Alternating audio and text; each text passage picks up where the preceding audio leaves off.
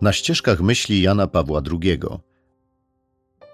Cykl podcastów przygotowanych przez Muzeum Dom Rodzinny Ojca Świętego Jana Pawła II w Wadowicach. Odcinek siódmy. Opracowanie ksiądz Damian Wąsek. Tekst encykliki czyta Piotr Piecha.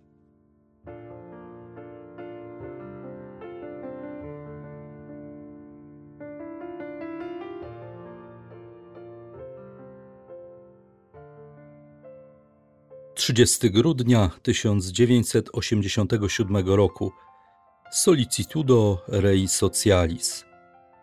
Podobnie jak w przypadku innych encyklik społecznych, także Solicitudo Rei Socialis związana jest z rocznicą promulgacji podobnego dokumentu w przeszłości. Tym razem chodzi o przeszłość nieodległą, ponieważ Jan Paweł II wydał omawiany dokument w dwudziestolecie encykliki Pawła VI Populorum Progressio, czyli o rozwoju narodów. To pierwszy z kontekstów Solicitudo Rei Socialis, ale nie najważniejszy, ponieważ papieżowi nie tylko o świętowanie rocznic chodzi. Czytając treść tej encykliki, możemy odkryć nawiązanie do bardzo popularnego wtedy w Ameryce Południowej nurtu teologii wyzwolenia. Zaznaczyć należy, że brak tego nawiązania wprost, ale używane pojęcia i tematyka wyraźnie go sugerują. Przykładowo, papież posługuje się terminem opcja na rzecz ubogich, który stanowił jedno z kluczowych sformułowań południowoamerykańskich teologów. By zrozumieć cele encykliki i sposób myślenia Jana Pawła II, warto pokrótce streścić założenia wspomnianej teologii. Przyjmuje się, że nurt ten narodził się w 1968 roku wraz z książką Guitereza pod tym samym tytułem. Znajdujemy w tej książce trzy postulaty.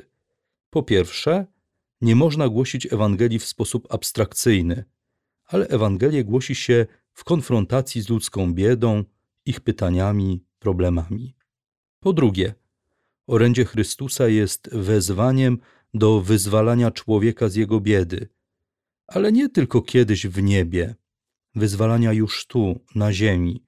Społeczeństwo już tutaj powinno stać się wyzwolone. Kościół ma się o to troszczyć. I po trzecie, instrumentem wyzwalającym jest to, co wypływa z doktryny marksistowskiej, a więc walka klas, rewolucja, niszczenie burżuazji. Jan Paweł II potępił ten sposób myślenia w jednym z wcześniejszych wystąpień. W 1983 roku Kongregacja Nauki Wiary wydała na ten temat dokument, w którym uznano cały nurt za niezgodny z chrześcijaństwem.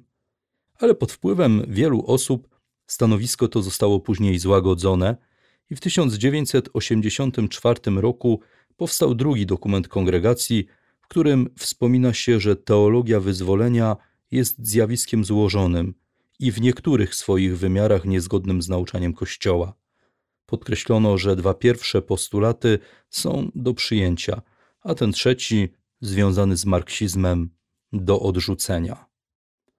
Wydaje się, że głównie w tym kontekście Jan Paweł II podjął temat nierówności społecznych i ekonomicznych, bo to główny przedmiot omawianej encykliki. Spójrzmy na strukturę. Encyklika składa się z wprowadzenia, zakończenia i pięciu rozdziałów. We wprowadzeniu znajdujemy pewne ogólne informacje na temat troski Kościoła o kwestie społeczne. Pierwszy rozdział jest mocno historyczny. Jego tytuł brzmi Nowość encykliki Populorum Progressio. Jak można się domyślać, znajdziemy w nim pochwałę dokumentu Pawła VI, która została sprowadzona do trzech wymiarów tamtego tekstu. Po pierwsze, papież pisze, że na podkreślenie zasługuje sam fakt redakcji dokumentu skierowanego do wszystkich ludzi dobrej woli, dotykającego szeroko rozumianego rozwoju. Jan Paweł II widzi tutaj również udaną próbę realizacji postulatów zakończonego niewiele wcześniej Soboru Watykańskiego II. Po drugie, pochwalić należy szerokość horyzontów i wieloaspektowość spojrzenia Pawła VI. Trzeci walor wiąże się z podkreśleniem, że encyklika Populorum Progressio wnosi poważny i oryginalny wkład do całości nauki społecznej Kościoła i samego pojęcia rozwoju. Za kluczowe Jan Paweł II uznaje wprowadzenie formuły Rozwój jest nowym imieniem pokoju. Drugi rozdział nosi tytuł Panorama świata współczesnego. Jan Paweł II dokonuje tu krótkiego przeglądu niektórych cech znamionujących współczesny świat. Wśród nich czytamy między innymi o oddaleniu się nadziei na szybki rozwój, która to nadzieja w czasach Pawła VI była bardzo mocno rozbudzona, o rosnącej przepaści między bogatą północą i biednym południem, o ograniczeniu w wielu miejscach prawa do inicjatywy gospodarczej, o istnieniu mechanizmów ekonomicznych, finansowych i społecznych, które umacniają stan bogactwa jednych i ubóstwa drugich, o kryzysie mieszkaniowym, bezrobociu, zadłużeniu międzynarodowym. Diagnozując przyczyny takiego stanu rzeczy, papież widzi je zarówno w czynnikach ideologicznych, jak i geopolitycznych, głównie oscylujących wokół walki między tzw. Tak wschodem i zachodem. Trzecia z głównych części, prawdziwy rozwój ludzki, to prezentacja dróg wyjścia. Papież chce, by miejsce naiwnego optymizmu mechanicystycznego zajął uzasadniony niepokój o los ludzkości. Podkreśla, że samo nagromadzenie kapitału nie zapewni człowiekowi szczęścia, ponieważ właściwy naturze ludzkiej priorytet to być, a nie mieć. Wskazuje, że rozwój posiada swój wymiar ekonomiczny, ale musi być zachowana pewna hierarchia wartości. By zyskać odpowiednią równowagę, konieczne jest powiązanie rozwoju z prawami człowieka. Kolejny blog nosi tytuł Odczytywanie aktualnych problemów w świetle teologii. To tutaj przeczytamy, że wiele deficytów społecznych związanych jest z grzechem, nawet więcej ze strukturami grzechu. Więc przezwyciężenie tych struktur wymaga nie tylko kompetencji ekonomicznych, ale i decyzji moralnych. Powinny one prowadzić do większej wrażliwości na innych ludzi, ponieważ, jak pisze papież, solidarność jest drogą do pokoju, a zarazem drogą do rozwoju. Ostatnia z głównych części dotyczy niektórych wskazań szczegółowych. Tutaj pojawia się wspomniana przy okazji omawiania kontekstu opcja na rzecz ubogich. Papież widzi w trosce o biednych naśladowanie Chrystusa, główny element całej tradycji Kościoła. W ramach tej troski proponuje przemyślenie reformy międzynarodowego systemu handlowego obciążonego protekcjonizmem, rosnącym bilateralizmem. Widzi konieczność reformy światowego systemu monetarnego i finansowego, uważanego dzisiaj za niewystarczający. Refleksję nad zagadnieniem wymiany technicznej i właściwego z niej korzystania oraz koniecznością dokonania rewizji struktur organizacji międzynarodowych istniejących w ramach systemu prawa międzynarodowego. W zakończeniu odkrywamy ciekawą refleksję na temat relacji między rozwojem i wolnością.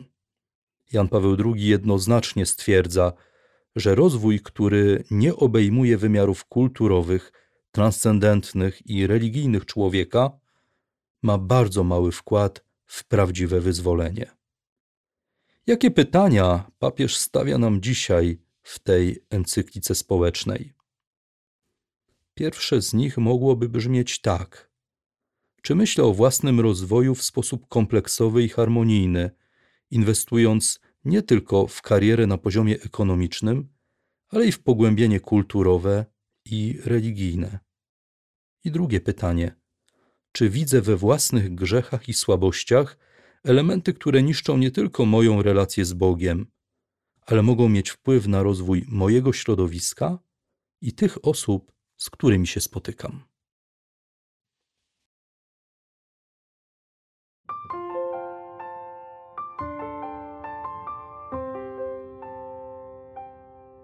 Solicitudo Rei Socialis Równocześnie jednak przeżywa kryzys sama koncepcja ekonomiczna czy ekonomistyczna związana ze słowem rozwój. Rzeczywiście rozumie się dziś lepiej, że samo nagromadzenie dóbr i usług, nawet z korzyścią dla większości, nie wystarcza do urzeczywistnienia ludzkiego szczęścia. W konsekwencji także i dostęp do wielorakich rzeczywistych dobrodziejstw, jakich w ostatnim czasie dostarczyły wiedza i technika, łącznie z informatyką, nie przynosi z sobą wyzwolenia spod wszelkiego rodzaju zniewolenia. Przeciwnie, doświadczenie niedawnych lat uczy, że jeśli cała wielka masa zasobów i możliwości oddana do dyspozycji człowieka nie jest kierowana zmysłem moralnym i zorientowana na prawdziwe dobro rodzaju ludzkiego, łatwo obraca się przeciw człowiekowi jako zniewolenie. Ogromnie pouczające powinno stać się niepokojące stwierdzenie dotyczące okresu najnowszego. Obok nędzy niedorozwoju, której nie można tolerować, stoimy w obliczu pewnego niedorozwoju, który także jest niedopuszczalny, bowiem tak samo jak niedorozwój sprzeciwia się on dobru i prawdziwemu szczęściu. Nadrozwój polegający na nadmiernej rozporządzalności wszelkiego typu dobrami materialnymi na korzyść niektórych warstw społecznych, łatwo przemienia ludzi w niewolników posiadania i natychmiastowego zadowolenia, nie widzących pewnego horyzontu, jak tylko mnożenie dóbr już posiadanych lub stałe zastępowanie ich innymi, jeszcze doskonalszymi. Jest to tak zwana cywilizacja spożycia czy konsumizm – który niesie z sobą tyle odpadków i rzeczy do wyrzucenia.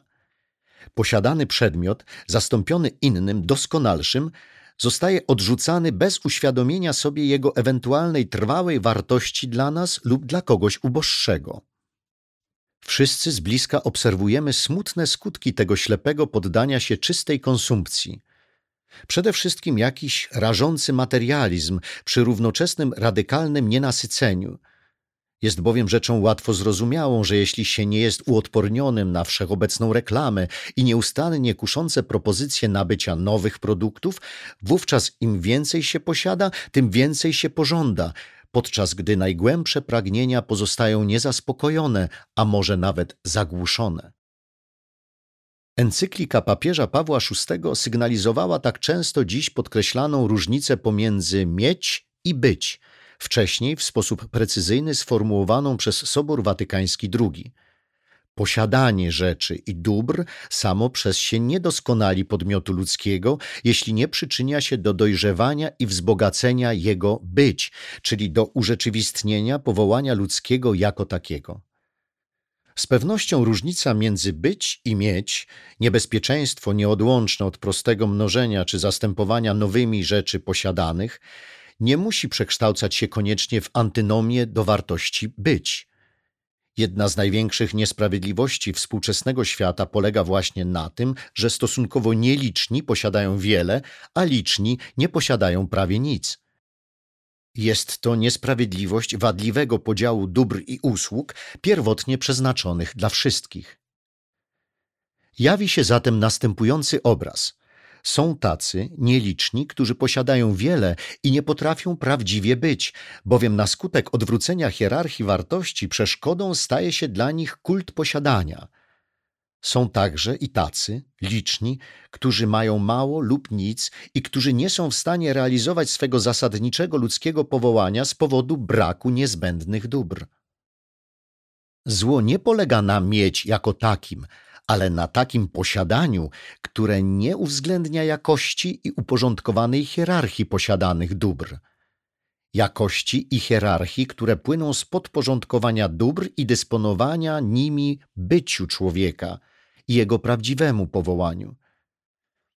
Jest to dowodem na to, że chociaż rozwój posiada swój nieodzowny wymiar ekonomiczny, winien bowiem udostępnić możliwie największej liczbie mieszkańców świata korzystanie nie z dóbr niezbędnych do bycia, to nie wyczerpuje się on jednak w tym właśnie wymiarze. Zredukowany doń obróci się przeciw tym, którym miał służyć. Charakterystyczne cechy pełnego rozwoju bardziej ludzkiego, który przy uwzględnieniu wymogów ekonomicznych byłby na miarę prawdziwego powołania człowieka, mężczyzny i kobiety, zostały opisane przez Pawła VI.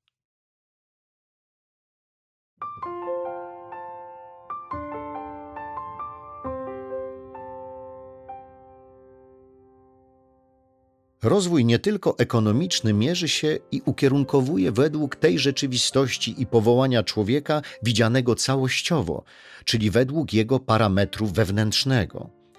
Potrzebuje on niewątpliwie dóbr stworzonych i wytworów przemysłu wzbogaconego stałym postępem naukowym i technologicznym. Wciąż nowe możliwości dysponowania dobrami materialnymi, jeśli służą zaspokajaniu potrzeb, otwierają nowe horyzonty. Niebezpieczeństwo nadużyć o charakterze konsumistycznym oraz zjawisko sztucznych potrzeb nie powinny bynajmniej przeszkadzać w uznaniu i użytkowaniu nowych dóbr oraz zasobów będących do naszej dyspozycji. Co więcej, powinniśmy widzieć w nich dar Boży i odpowiedź na powołanie człowieka, które w pełni urzeczywistnia się w Chrystusie. W celu osiągnięcia prawdziwego rozwoju nie można jednak nigdy tracić sprzed oczu wspomnianego parametru, który jest w naturze właściwej człowiekowi stworzonemu przez Boga na jego obraz i podobieństwo. Natura cielesna i duchowa ukazana jest symbolicznie w drugim opisie stworzenia przez dwa elementy. Ziemia, z której Bóg ukształtował fizyczną naturę człowieka i tchnienie życia, które tchnął w jego nozdrza. Człowiek wchodzi w ten sposób w związek pokrewieństwa z innymi stworzeniami. Jest powołany do ich używania, do zajmowania się nimi oraz wciąż, według opisu Księgi Rodzaju, zostaje umieszczony w ogrodzie, aby go uprawiał i doglądał ponad wszystkimi innymi istotami oddanymi przez Boga pod jego władanie ale równocześnie człowiek ma pozostać poddanym woli Boga, który mu zakreśla granice używania i panowania nad rzeczami, podobnie jak obiecuje mu nieśmiertelność. Człowiek więc, będąc obrazem Boga, ma również prawdziwe z nim pokrewieństwo.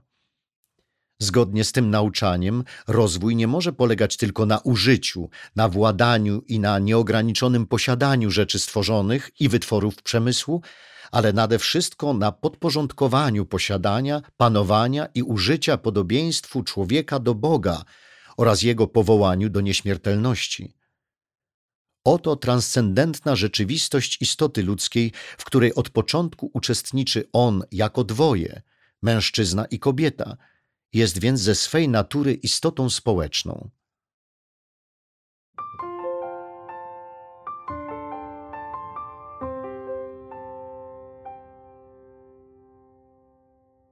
Rozwój zatem, w rozumieniu Pisma Świętego, nie jest jedynie pojęciem laickim, świeckim, ale jawi się również ze swymi akcentami społeczno-gospodarczymi jako współczesny wyraz zasadniczego wymiaru powołania człowieka.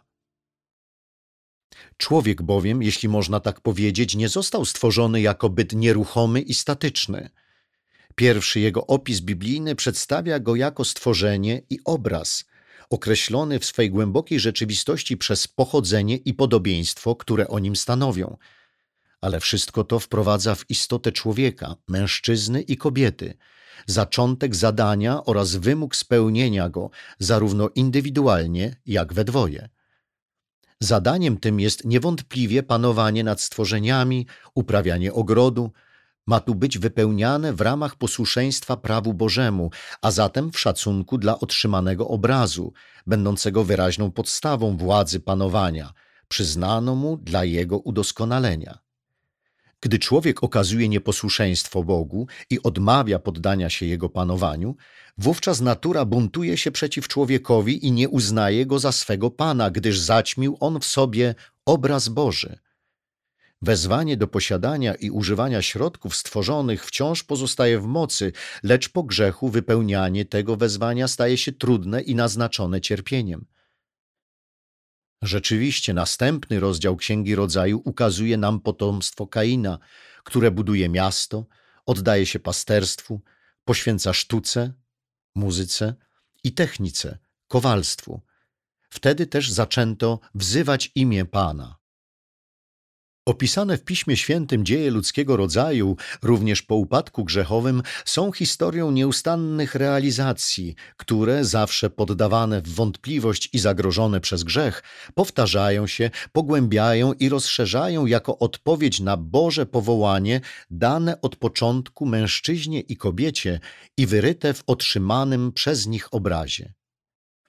Płynie stąd logiczny wniosek, przynajmniej dla ludzi wierzących w Słowo Boże, że tak zwany współczesny rozwój należy widzieć jako etap historii zapoczątkowanej w dziele stworzenia i ciągle zagrożonej z powodu niewierności wobec woli Stwórcy, zwłaszcza pokusą bałwochwalstwa. Rozwój jednak zasadniczo jest zgodny z pierwotnymi założeniami. Kto by chciał odstąpić od trudnego, ale wzniosłego zadania polepszenia losu całego człowieka i wszystkich ludzi pod pretekstem ciężaru walki i stałego wysiłku przezwyciężania przeszkód, czy też z powodu porażek i powrotu do punktu wyjścia, sprzeciwiałby się woli Boga Stwórcy. Z tego samego punktu widzenia ukazałem w encyklice Laborem Exercens powołanie człowieka do pracy, aby podkreślić, że właśnie człowiek jest zawsze protagonistą rozwoju. Co więcej, sam Pan Jezus w przypowieści o talentach zwraca uwagę na surowość, z jaką został potraktowany ten, który odważył się ukryć otrzymany dar. Sługo zły i gnuśny, wiedziałeś, że chcę rządzić tam, gdzie nie posiałem i zbierać tam, gdzie mnie rozsypał. Dlatego odbierzcie mu ten talent, a dajcie temu, który ma dziesięć talentów. My, którzy otrzymujemy dary Boże, aby owocowały, winniśmy siać i zbierać. Jeśli tego nie czynimy, będzie nam odebrane i to, co mamy.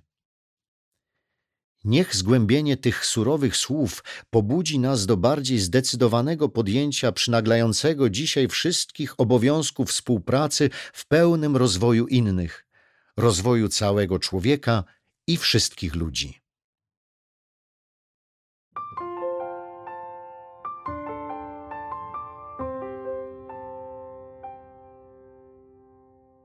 Dziękujemy za wysłuchanie podcastu przygotowanego przez Muzeum Dom Rodzinny Ojca Świętego Jana Pawła II w Wadowicach.